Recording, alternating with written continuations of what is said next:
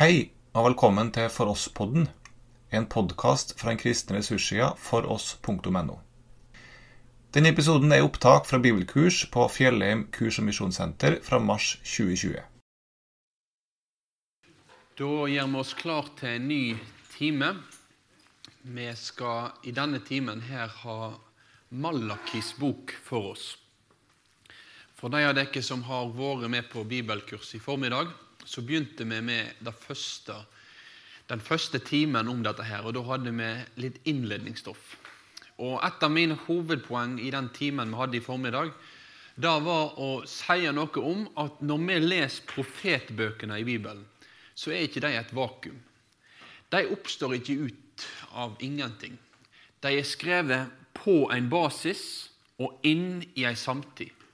Og Vi er nødt til å huske på at de som først mottok disse bøkene, her, de hadde bibelhistoriene som ligger bak i Gamle testamentet, i ryggmargen. De visste hva Moseloven inneholdt. Og de visste òg hvordan forholdene var rundt dem i deres samtid. Og vi må prøve å trenge inn i den tida. Prøve å få en liten smak av hva situasjon Malaki og de andre profetene virker i hvis vi skal forsøke å forstå boka best mulig. Og Da sa jeg også noe om at Malakis bok er skrevet i ei tid etter at israelsfolket har fått vendt tilbake fra eksilet. Det har vært ei gjenoppbyggingstid. Tempelet har blitt gjenoppbygd, og det har vært vekkelse i, i landet. Men nå har det gått et par generasjoner. Den vekkelsesilden og det fornya livet som kom etter at tempelet ble oppbygd, og som vi kan lese om i starten av Esras bok, og som vi kan lese om hos eh, Haggai og Zakaria, ja, den ser ut til å ha dødd ut. og En sitter igjen med mange ytre former. En sitter igjen med et skall, men livet på innsida har stivna til. Og så er det inn i dette her Herren nå sender sin budbærer. Og Navnet Malaki det betyr 'min budbærer', eller 'mitt sendebud'.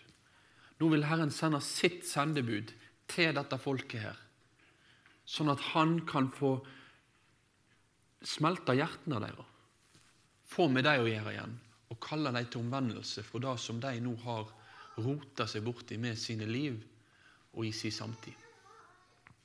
Og Nå skal vi i kveld begynne med å gå inn i teksten, og vi skal stoppe opp for første del av Malaki kapittel 1 og vers 2-5. Men vi leser i lag, nei, ber i lag før vi leser teksten sammen. Far, du som lever, du som råder, du som er den sanne Gud fra evighet og til evighet. Du som sendte Malaki som din budbærer til Israel på 400-tallet før Kristus.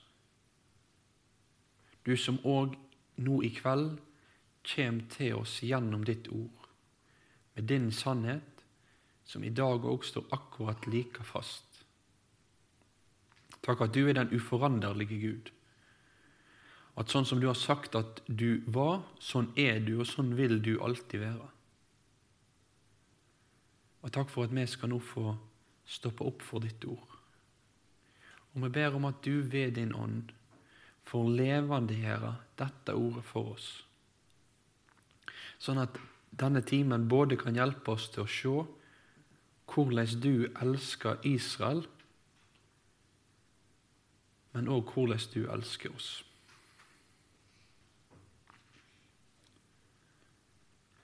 Gjør oss rolig for det du vil ha sagt, sånn at du, Herre, får møte oss nå i kveld. I ditt navn ber vi om det, Jesus. Amen.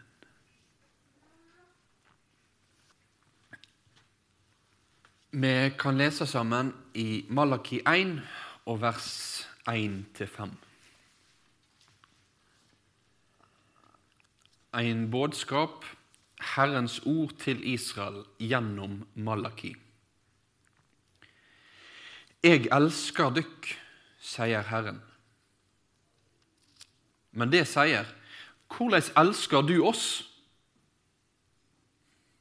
Var ikke, Jakob, nei, var ikke Esau bror til Jakob? sier Herren. Jeg elsker Jakob, men Esau hadde jeg uvilje mot. Jeg gjorde fjellet hans til ei auden, eiendommen til en ørken for sjakaler. Edom sier, vi er knuste, men bygger ruinene opp igjen. Men så sier Herren over hærskarene, de bygger opp, men jeg river ned. De skal kalles landet av urett, folket som Herren er harm på for alltid. Det skal sjå det med egne øyne, og det skal seie, Herren er stor utover Israels grenser. Amen.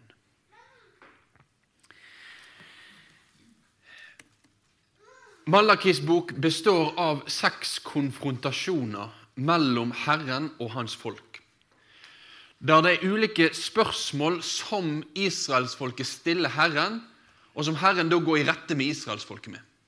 Jeg sa tidligere i dag at Gud i Malakis bok stiller folket på tiltalebenken. Gud sier 'dette er et problem', og så spør folk ja, men hva er egentlig problemet. Og så begynner Gud i vers etter vers etter vers å legge ut hva som faktisk er problemet, hva som er utfordringen her. Han setter fingeren på det. Og Den første av disse her konfrontasjonene da var den vi nå las her. Herren som begynner med å henvende seg til israelsfolket med den enkle linja 'Jeg elsker dere'. Eller som det står i den eh, andre norske oversettelsen 'Jeg har elska dykk'. Og da må jeg bare kommentere, Når det står 'Jeg har elska dykk', så er ikke poenget med det å uttrykke at Gud sier en gang for lenge siden så har jeg elska dere, men jeg gjør det ikke nå lenger. Men det er på samme måte som at jeg sier 'jeg har blitt gift'. Det er noe som har skjedd i historien, som har et vedværende resultat. Jeg er nå gift fordi jeg har blitt gift. Så når Herren sier 'jeg har elska dere', så er det som om han gjennom da vil understreke at ja, jeg elsker dere. Jeg har gjort det gjennom historien, og jeg gjør det nå i dag. Sånn begynner Herren sin tiltale av israelsfolket. Sånn begynner han denne boka her.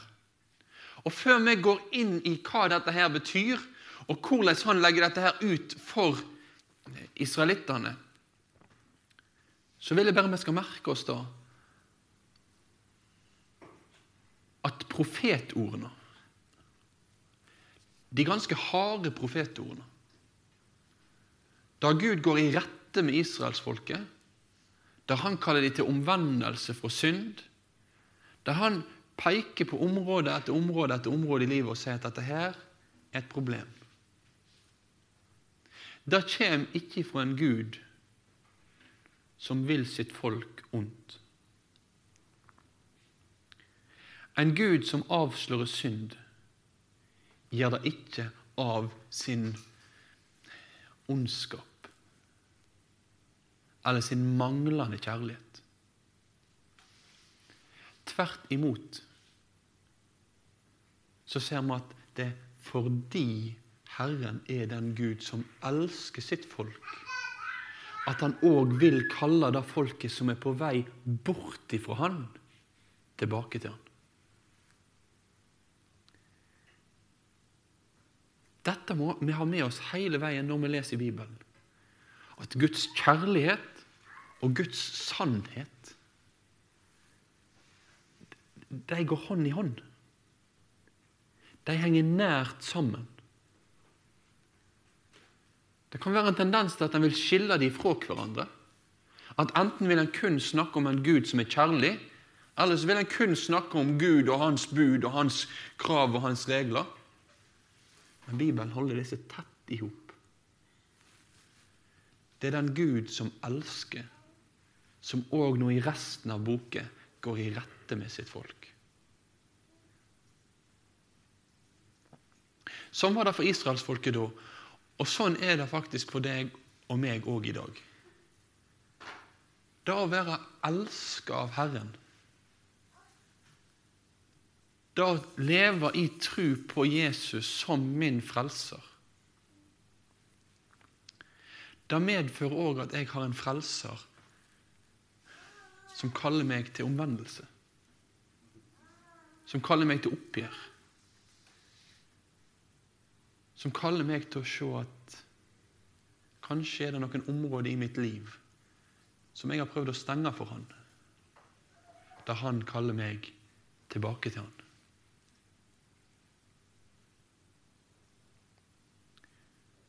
Så bli ikke skremt når Herren kommer med sitt lys inn i mørket. For det er lyset ifra Han som vil kalle oss hjem, kaller oss til å vende om til seg. Jeg elsker dykk, sier Herren. Men israelsfolket ser ut til å slite med å se Guds kjærlighet. Kanskje de vet det, kanskje de har lært det. at Ja, Gud er jo en Gud som elsker oss. Sånn er jo Gud. Men hvor er denne kjærligheten? Hvor er det blitt av? Denne læresetningen som de kan, denne læresetningen som de kanskje hadde lært i, i synagogene eller i tempelet, har det noen praktiske konsekvenser og betydning i hverdagslivet? For en jøde som fikk denne teksten her første gangen De levde i en hverdagssituasjon som var alt annet enn veldig oppmuntrende og positiv og gledelig. Ja, de hadde kommet tilbake til landet. Tempelet var gjenoppbygd. Det har vært gjenoppbygd for en eh, 60-70-80 år siden, alt etter tid du, du tidfester Malakis bok. Men selv om tempelet har blitt oppbygd igjen, så er byen Jerusalem fortsatt i en stor grad ruiner. Bymurene er ikke gjenoppbygd. Det kan se ut som at ja, mange har fått sine boliger rundt omkring der, men det er likevel som å bo, bo i ei slagmark, i et område som er heimsøkt av krig. Rundt omkring de på alle kanter så bor det fiender som gjør alt det de kan gjøre for å sørge for at Jerusalem ikke skal gjenoppbygges. Når tempelet ble bygd opp, så ble de rasende og prøvde å gå til aksjon. Og nå så kommer de i den tida her, når Nehemja kommer til å bygge opp igjen murene, så kommer de til å sette inn all sin innsats for å stoppe arbeidet. De har folk overalt rundt seg som vil de ondt. Og Det var en forskjell på det at nå når de har kommet tilbake, så har de bare fått et lite landområde med Jerusalem og området rundt.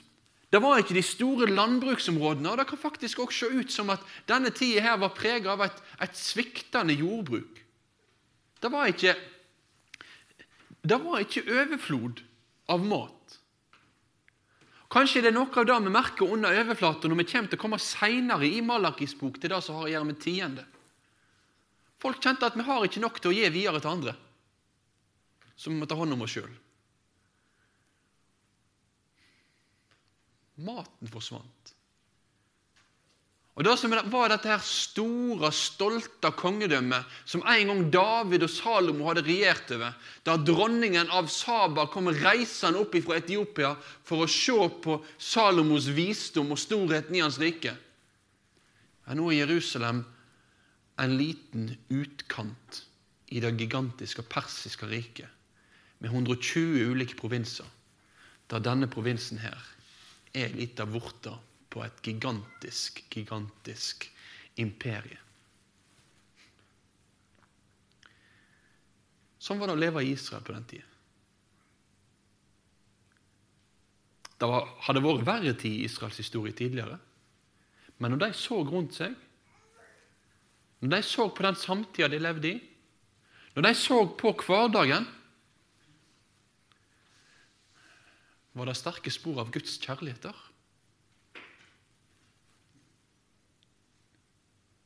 Gud sier 'Jeg elsker deg ikke'.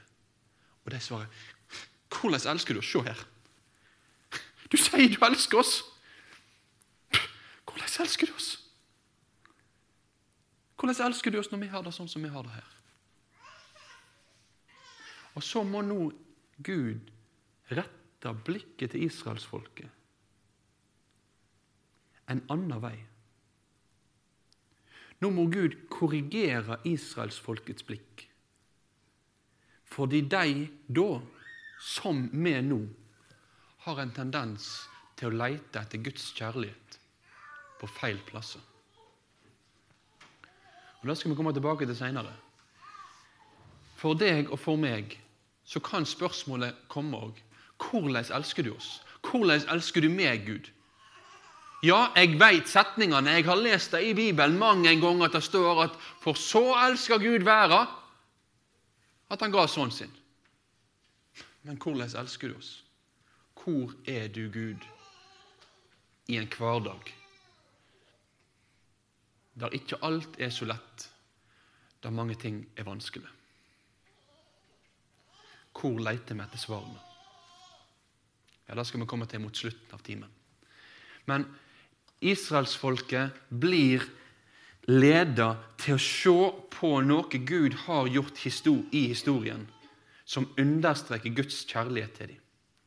For Herrens svar til israelsfolket har å gjøre med forholdet mellom Jakob og Esau. Hvordan elsker du oss? Jo, var ikke Esau bror til Jakob, sier Herren. Jeg elsker Jakob, men Esau hadde jeg uvilje mot. Eller som det også står i en annen bibeløversettelse, men Esau hater jeg, som er en mer direkte og jeg vil si korrekt oversettelse av det verset. Forholdet mellom Jakob og Esau, de to etterkommerne av Isak, de to sønnene som ble født da Jakob ble arvingen, og Esau ikke ble arvingen. Da Esau etter normal skikk og bruk var den som skulle arve farens rike og hans, hans velsignelser, så ble stedet for gitt til Jakob, gitt til den yngre, gitt til han som ikke hadde fortjent det. Og så begynner Bibelen her med å beskrive noe om hvordan Guds kjærlighet ikke er en kjærlighet som bygger på fortjeneste, som bygger på rang, som bygger på at noen kan gjøre noe som gjør at Gud skal elske meg mer. Esau sine etterkommere de kom til å bli det folkeslaget som senere i historien ble kalt for edomitter. Edom ble et kongedømme som da lå sørøst for Juda og for Israel, Nordrike. Edom er da Esau sine etterkommere. Og Gjennom bibelhistorien så ser vi at Edom er den første, og den er den siste, og den er av den, en av de mest standhaftige fiendene til Israel gjennom historien. Israel hadde problemer med mange ulike fiender. Filisterne kom i en periode. Ammonittene kom i en periode. Moabitterne kom i ulike perioder. Men Edom går som en rød tråd gjennom Bibelen. Ja, Det begynner jo egentlig allerede med Jakob og Esau, der Esau blir Jakobs fiende fra starten av. Men det er et anstrengt fiendeforhold mellom de to gjennom bibelhistorien. Og Vi ser det f.eks. i Obadjas bok, profeten Obadja, dette ene vetle kapittelet. Så kan vi se at det ser ut til at når Jerusalem blir invadert av babylonerne, så fryder edomittene seg. Så sitter de i hovedstaden sin og sier 'ha, ja, det var til pass for dem'. Og så ser de ut egentlig til å være ganske sikre på at sånn som det går med Israel, sånn går det ikke med oss. Jerusalem blir tatt, men vi er trygge. Og så er egentlig Obadias bok ei bok om hovmod. Ei bok om trygghet. Ei bok om at vi har bygd opp så mye rikdom og så mye makt at ingenting kan rokke med oss. Men hovmod står for fall. Gud han står den stolte imot, men den ydmyke gir han nåde. Historien om Edom blir videre en historie om at det som står at skal skje i Obadjas bok, det skjer faktisk. For Obadja advarer mot at Edom skal gå unna. Og det skjer. Edom blir òg knust. Ikke av babylonerne, sånn som Jerusalem ble, men av noen ørkenstammer som kom ifra sør. Edom ble jevna med jorda. Og Det kan se ut som at de har vært ganske trygge på at ja, vi skal bygge oss opp igjen. Vi skal bygge oss opp igjen. Vi skal bli et stort kongedømme igjen. Men Gud sier nei. Det er slutt. Det er slutt for Edom. De skal aldri reise seg igjen. Det lå i ruiner hele Edoms land i Malakis tid. Og Edom skulle ikke gjenoppbygges.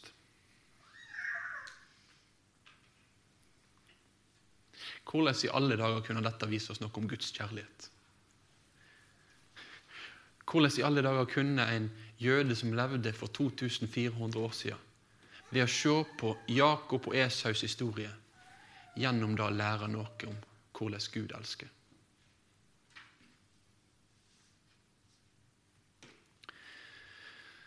Det er to ord i Bibelen som vi her møter på. Og Det er å elske, og det er å hate eller å ha uvilje. Vi kan få litt panikk av og til, kanskje, når vi leser Bibelen og kommer over et sånt vers som dette her.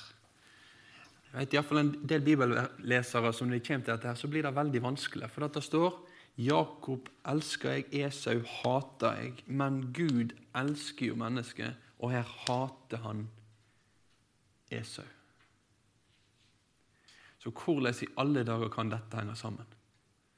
Jeg trodde jo en Gud var en Gud som elsker menneskeslekta. Og så står det plutselig her at han hater.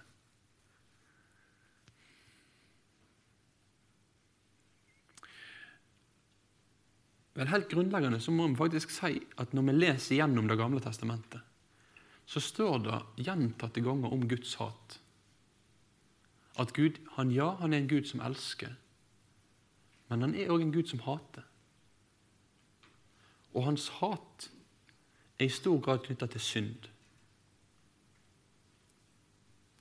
Hans hat er knytta til det som er imot hans vilje. Det hater Herren. Det er ikke godt i hans øyne. Han har uvilje mot det. Og Noen ganger i Bibelen så ser vi at Gud faktisk kan bruke det mot folkeslag som gir seg over til synd, som Herren hater. Så kan det bli brukt sånn f.eks. her om Esau. Og så kan det faktisk bli brukt noen ganger i Gamle Testamentet, f.eks. i Jeremia kapittel 12 og vers 8 og Hosea kapittel 9 og vers 15, om israelsfolket, det folket som Gud elsker. Det folket som han elsker, så står det plutselig hos Jeremia at 'jeg hater dere'. For Det sier oss noe om hvor alvorlig det er for Herren når dette folket da vraker han totalt for å leve et liv langt borte fra han. Men for oss òg, når vi leser om å elske og hate, så er det sånn at vi tenker veldig lett ut ifra følelsesmessige kategorier. Ja, det kan være et aspekt av det i det. Men å elske og hate her handler nok mer om godvilje eller uvilje. Altså Det handler om en prioritering.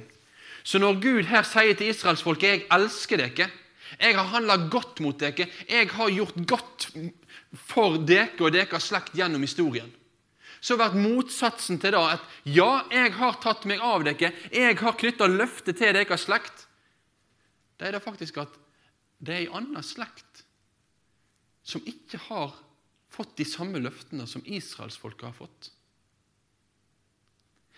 I Guds frelseshistorie der Gud har etter sin store nåde sett seg for at en dag skal det komme en frelser for hele menneskeheten. Sånn at hver den som tror på han, uansett hva folkeslagen er av, en dag skal komme av denne slekta her, så er det ei slekt som er den privilegerte slekta, som får være bærer av dette løftet her. Og det er Jakobs slekt. Malakis bok viser rett og slett til Guds frelseshistoriske utvelgelse. Sånn som jeg leser bibelhistorien, og når jeg leser det som står om Jakob og Esau i første Mosebok, så er ikke poenget i historien om Jakob og Esau at ja, Jakob, du blir frelst, Esau, du går fortapt. Det er ikke snakk om deres personlig, evige skjebne. Men det er snakk om at her er det et løfte som Jakob og hans slekt skal få bære videre. Det er en frelseshistorisk utvelgelse. At Jakobs folk skal få være Guds folk. Dette er faktisk litt viktig å ha klart for seg. At vi i Bibelen møter to ulike typer av omtaler om det som har å gjøre med utvelgelse. Vi har utvelgelse når det er spørsmål om enkeltmennesket, om enkeltmennesket blir frelst. Men så har vi òg en frelseshistorisk utvelgelse som handler om hvordan Gud i sin store visdom har sett og ordna det sånn at hans frelsesplan har gått framover. Forstår dere at det er en forskjell på de to? Det må vi klare å holde klart for oss. Og Her i Malakis bok så er det en frelseshistorisk utvelgelse det er snakk om. Og jeg mener at Når Paulus i Nytestamentet tar fram dette her ja, Vi kommer til Paulus etter hvert. Ja, vi kommer til Paulus etter hvert. Her går det litt for raskt for meg nå. Det, det, som kan være interessant å merke seg, det er hva er da årsaken til at Gud velger Jakob i denne sammenhengen? Hvorfor velger han Jakob? Hvorfor er det Jakobs slekt, hvorfor er det Jakobs etterkommere som nå bor i Jerusalem, som skal få dette fantastiske løfter knytta til seg? Vi kan ta og slå opp i 5. Mosebok. Vi kan begynne med å lese i kapittel 9 og vers 6. Vi kan lese fra vers 4. 5. Mosebok 9, 4.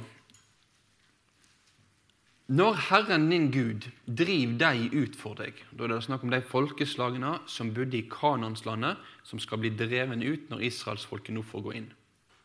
Så står det Da må du ikke si av hjertet ditt det er fordi jeg er rettferdig at Herren har latt meg komme inn i dette landet og legge det under meg. Nei. Det er fordi de har gjort urett at Herren tek landet fra disse folkeslagene. Det er ikke fordi du er rettferdig og rettvis at du får gå inn og legge landet deres under deg. Nei, fordi de har gjort urett, tek Herren din Gud landet fra disse folkeslagene, og fordi Herren vil holde den lovnaden han med eid gav fedrene dine, Abraham, Isak og Jakob så skal du da vite at det ikke er på grunn av din rettferd at Herren din Gud let deg få dette gode landet, for du er et stivnakka folk. Jeg begynner med å ta med denne teksten. Her Her står det ikke noe om Guds kjærlighet og hvorfor Gud elsker. Men da denne teksten her sier noe om der den sier noe om hvordan Gud ser på israelsfolket. Han ser at israelsfolket er et stivnakka folk. Dette folket i seg sjøl var ikke så veldig mye bedre enn alle andre. Det var ikke sånn at deres etiske kvaliteter gjorde at ja, dette her var virkelig godt materiale å satse på. Dette her er ikke noe røtende trestolper som, som ligger ute. Nei, Dette er godt materiale som vil holde framover. Nei, dette er et stivnakka folk. Og Så kan vi gå til kapittel 7 og vers 7-8.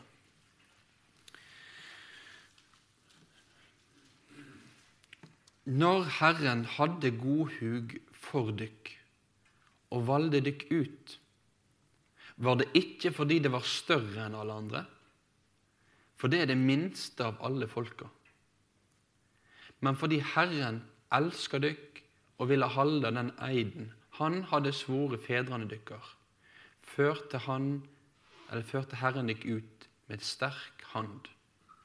Han frier deg ut fra slavehuset forhandla til farao, egypterkongen. Så det ser ikke ut til å handle om etiske kvaliteter. Det ser ikke ut til å handle om at de var bedre. Det ser heller ikke ut til å handle om at de var større og sterkere. Men det handler om at Gud elsker dem.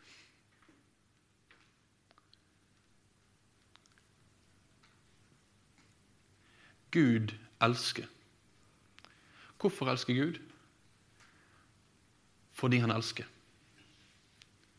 Hvorfor elsker Gud? Fordi han elsker.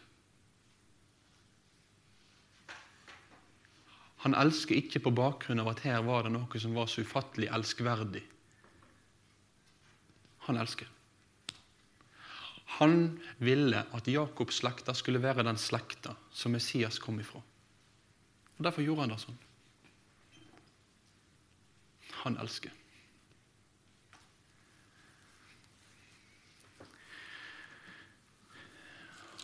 Og så nevnte jeg for dere i stad, eller begynte å nevne, at Nytestamentet bruker denne teksten her i Romerbrevet kapittel 9. Der blir den tatt fram igjen i den delen av Bibelen når Gud gjennom apostelen Paulus vil si noe om hvordan apostelen ber med seg en bekymring for og en overbevisning om at det jødiske folket etter kjøttet trenger å få bli kjent med Jesus som Messias. Så munner de kapitlene ut i kapittel 11 med et stort løfte om at en dag så skal Israel bli frelst. Det skal skje en vekkelse i, i det jødiske folket etter kjøttet. Men i kapittel 9, i sin beskrivelse av hvorfor Gud handler så spesielt med akkurat dette folket, her, så henviser han bl.a. til teksten i Malaki 1. Hvorfor tar jeg med dette? her? Jo, jeg tar med alt dette her for å understreke for dere at her har vi å gjøre med Guds frelseshistoriske utvelgelse. Jeg tror på en Gud som som ikke velger ut på bakgrunn av fortjeneste, men på bakgrunn av nåde.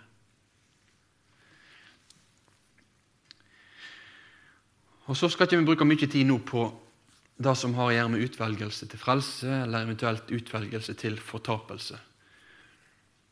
Det kan vi godt prate om i etterkant hvis noen vil bruke mer tid på det.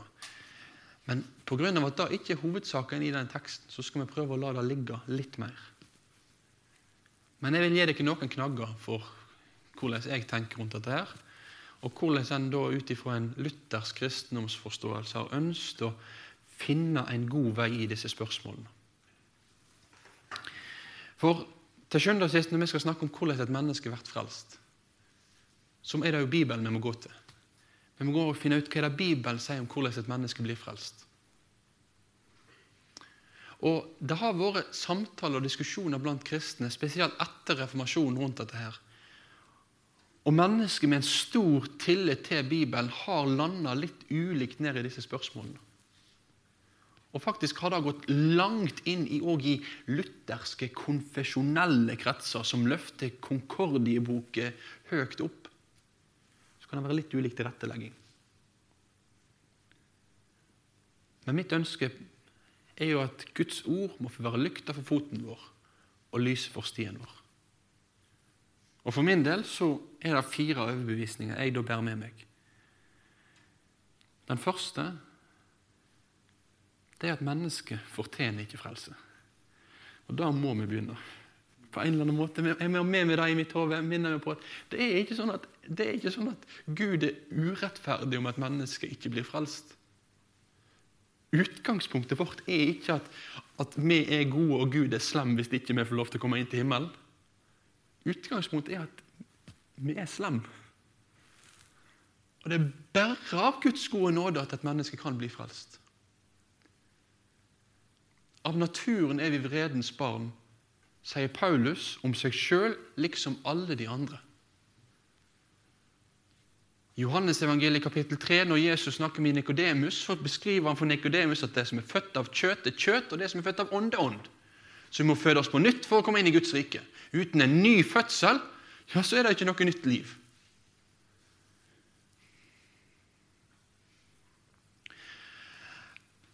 Det neste punktet mitt er at jeg bærer med meg en overbevisning ut fra Bibelen om at om et menneske, og når et menneske går fortapt, så gjør det det ikke pga. Guds uvilje, men pga. ens egen synd.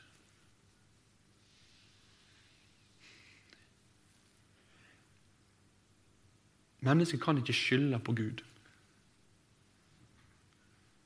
men må sjøl stå ansvarlig på dommens dag.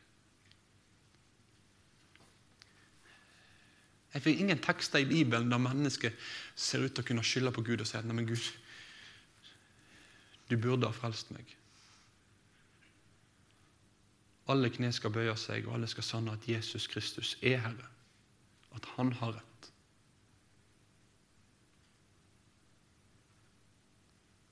Om det blir til frelse, eller om det blir til dom. Den tredje overbevisningen jeg bærer med meg, det er at når jeg leser i Bibelen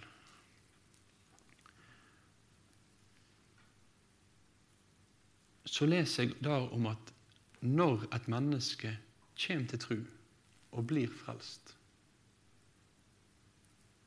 så skjer det ikke på bakgrunn av egne prestasjoner, egne gjerninger eller egen bestemmelse, men ved Guds utvelgelse. Alle de som tok imot ham, de ga han rett til å bli Guds barn. De som tror på navnet hans.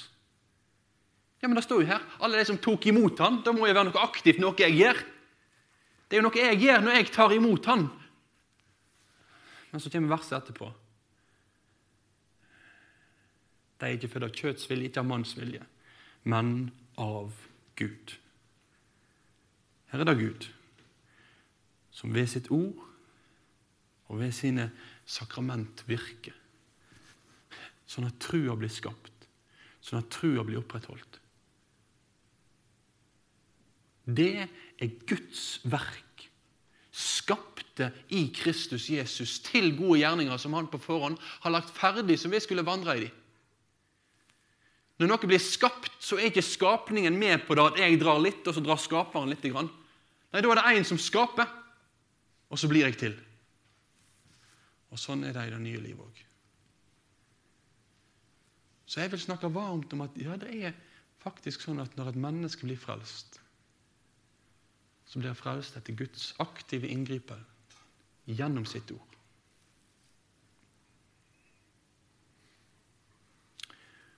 Og den siste, fjerde, det er at jeg vil, samtidig som jeg sier at et menneske blir frelst ved Guds frelsesutvelgelse, så vil jeg òg si at Bibelen forteller meg at Gud har en allmenn frelsesvilje. At Guds nåde er universell. At Jesus har gitt sitt liv for hvert et menneske. At når Jesus sier 'de synd er sona', så mener han det fullt og helt.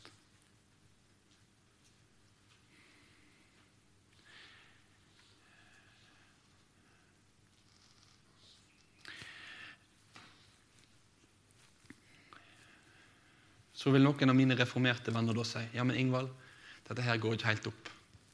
Dette her går ikke helt opp. Du kan ikke samtidig si da at det er Guds utvelgelse til frelse, og samtidig si da at Gud vil at alle mennesker skal bli frelst. Jeg skal være helt ærlig på at det går ikke 100 opp. Men det er sånn jeg forstår Bibelen. Det er dette jeg møter i Bibelen. Og det er det jeg må bøye meg for. Og For meg så blir dette med utvelgelse det blir, Jeg ønsker ikke liksom bare å, å skyve det ned i skuffer. For meg er faktisk det òg noe av det dyrebare å se her. Tenk at Gud faktisk vil ha meg. At jeg får være hans. At Gud elsker meg fordi han elsker meg. Det er ikke at det er et eller annet stoff i Ingvald som gjør at Ingvald er så ekstra elskverdig. Han vil ha meg og jeg får være hans av nåde.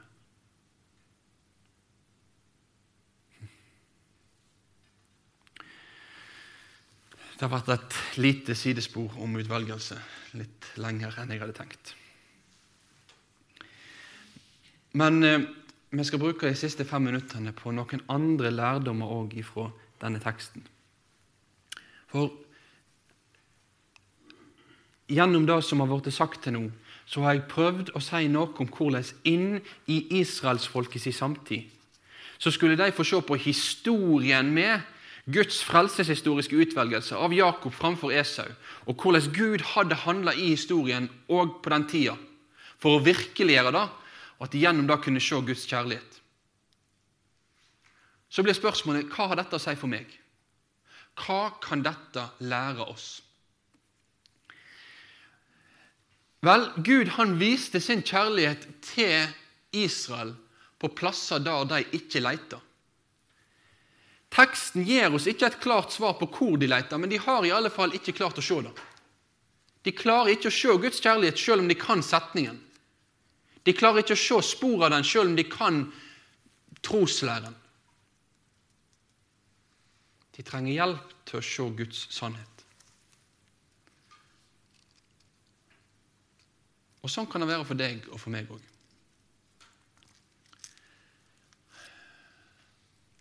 At Guds kjærlighet er vanskelig å få øye på.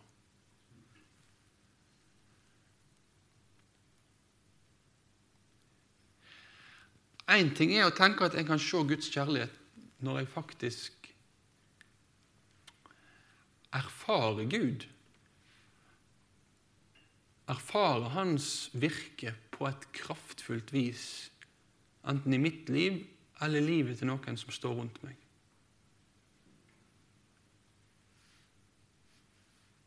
Når det bønnesvaret som vi har ropt til Gud at det kommer Når fornyelsen kommer i mitt hjerte, og jeg, jeg på ny kjenner en glød for å tenke, tenke at dette her er sant Når jeg opplever da at nye mennesker blir lagt til i menigheten, så kan det kanskje være lettere å tenke at ja, Gud elsker oss. Bare se hva som skjer. Bare se hva Gud gjør. Bare kjenn hvordan han virker blant oss.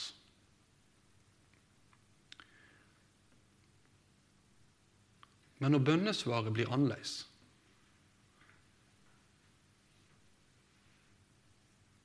Når bibellesingen blir tørr Når flokken på bedehuset eller i kirka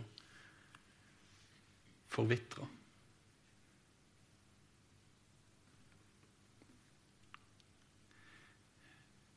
Ser jeg noe av Guds kjærlighet da? Kan Gud elske oss da?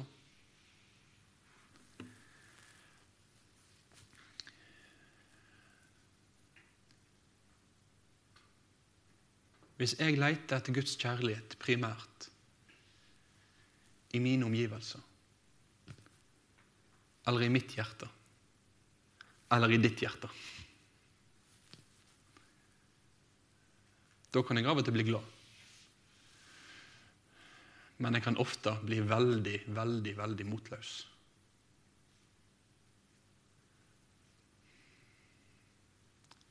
Men heldigvis viser Gud sin kjærlighet andre plasser.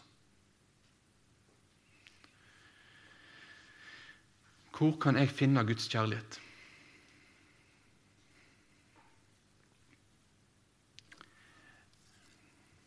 Vi kunne sagt mer om dette her, men det er ett bibelvers jeg vil ta deg med til, som jeg tenker skal få være hovedverset for oss på akkurat dette her nå i kveld.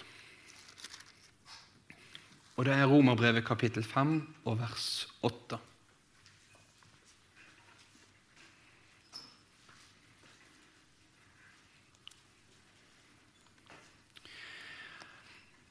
Men Gud viser sin kjærleik til oss ved at Kristus døde for oss medan vi enda var syndere.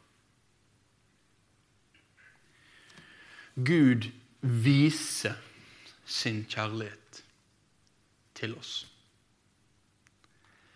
Legg merke til grammatikken her.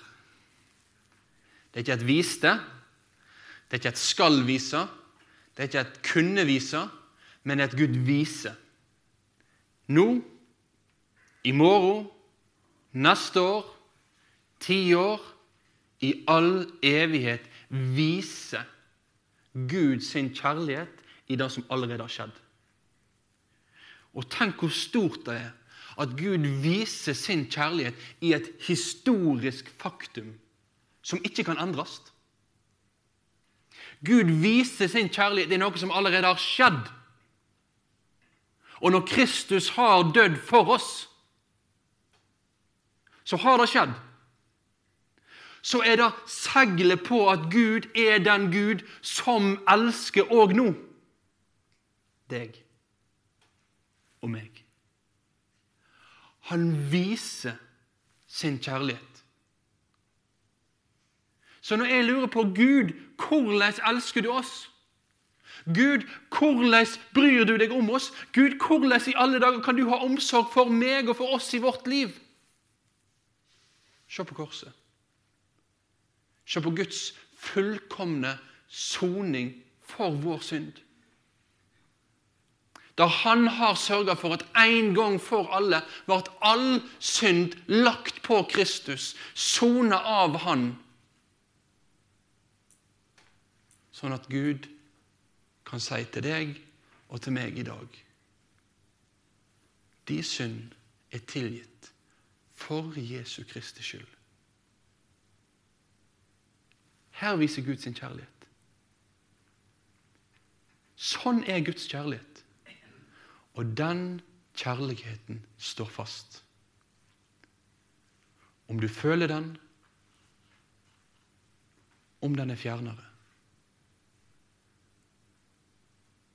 Så Malaki drar oss med til korset, til å se at i Jesus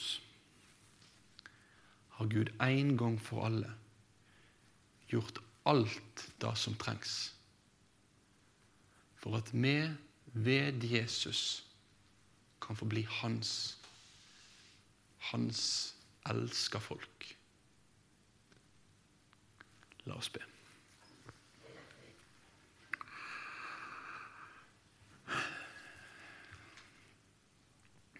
Ja, far, nå vil vi få takke deg for at du er den Gud som har åpenbart for oss din kjærlighet i Jesus Kristus ved at du en gang for alle har ordna med en soning for våre synder. At din vrede, far, rammer Kristus i mitt og i vårt sted. At du, Jesus, har seira over djevelen at du har seira over ondskapens ånde her i himmelrommet. At du, Jesus, har seira over døden, har stått opp igjen og gjev det evige livet til hele ditt folk.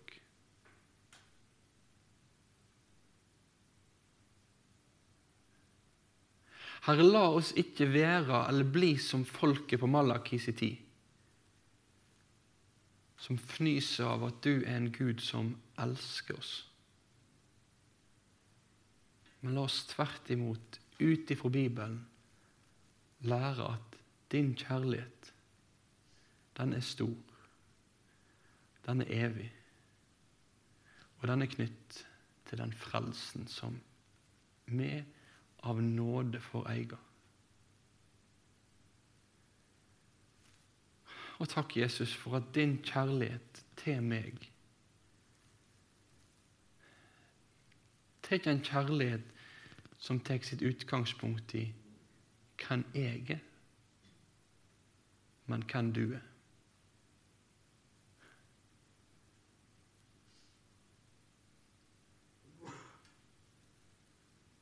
Takk, Jesus, for at du elsker, fordi du elsker. Amen.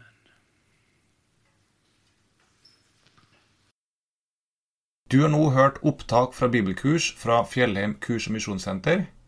Du finner mange andre opptak med undervisning på foross.no.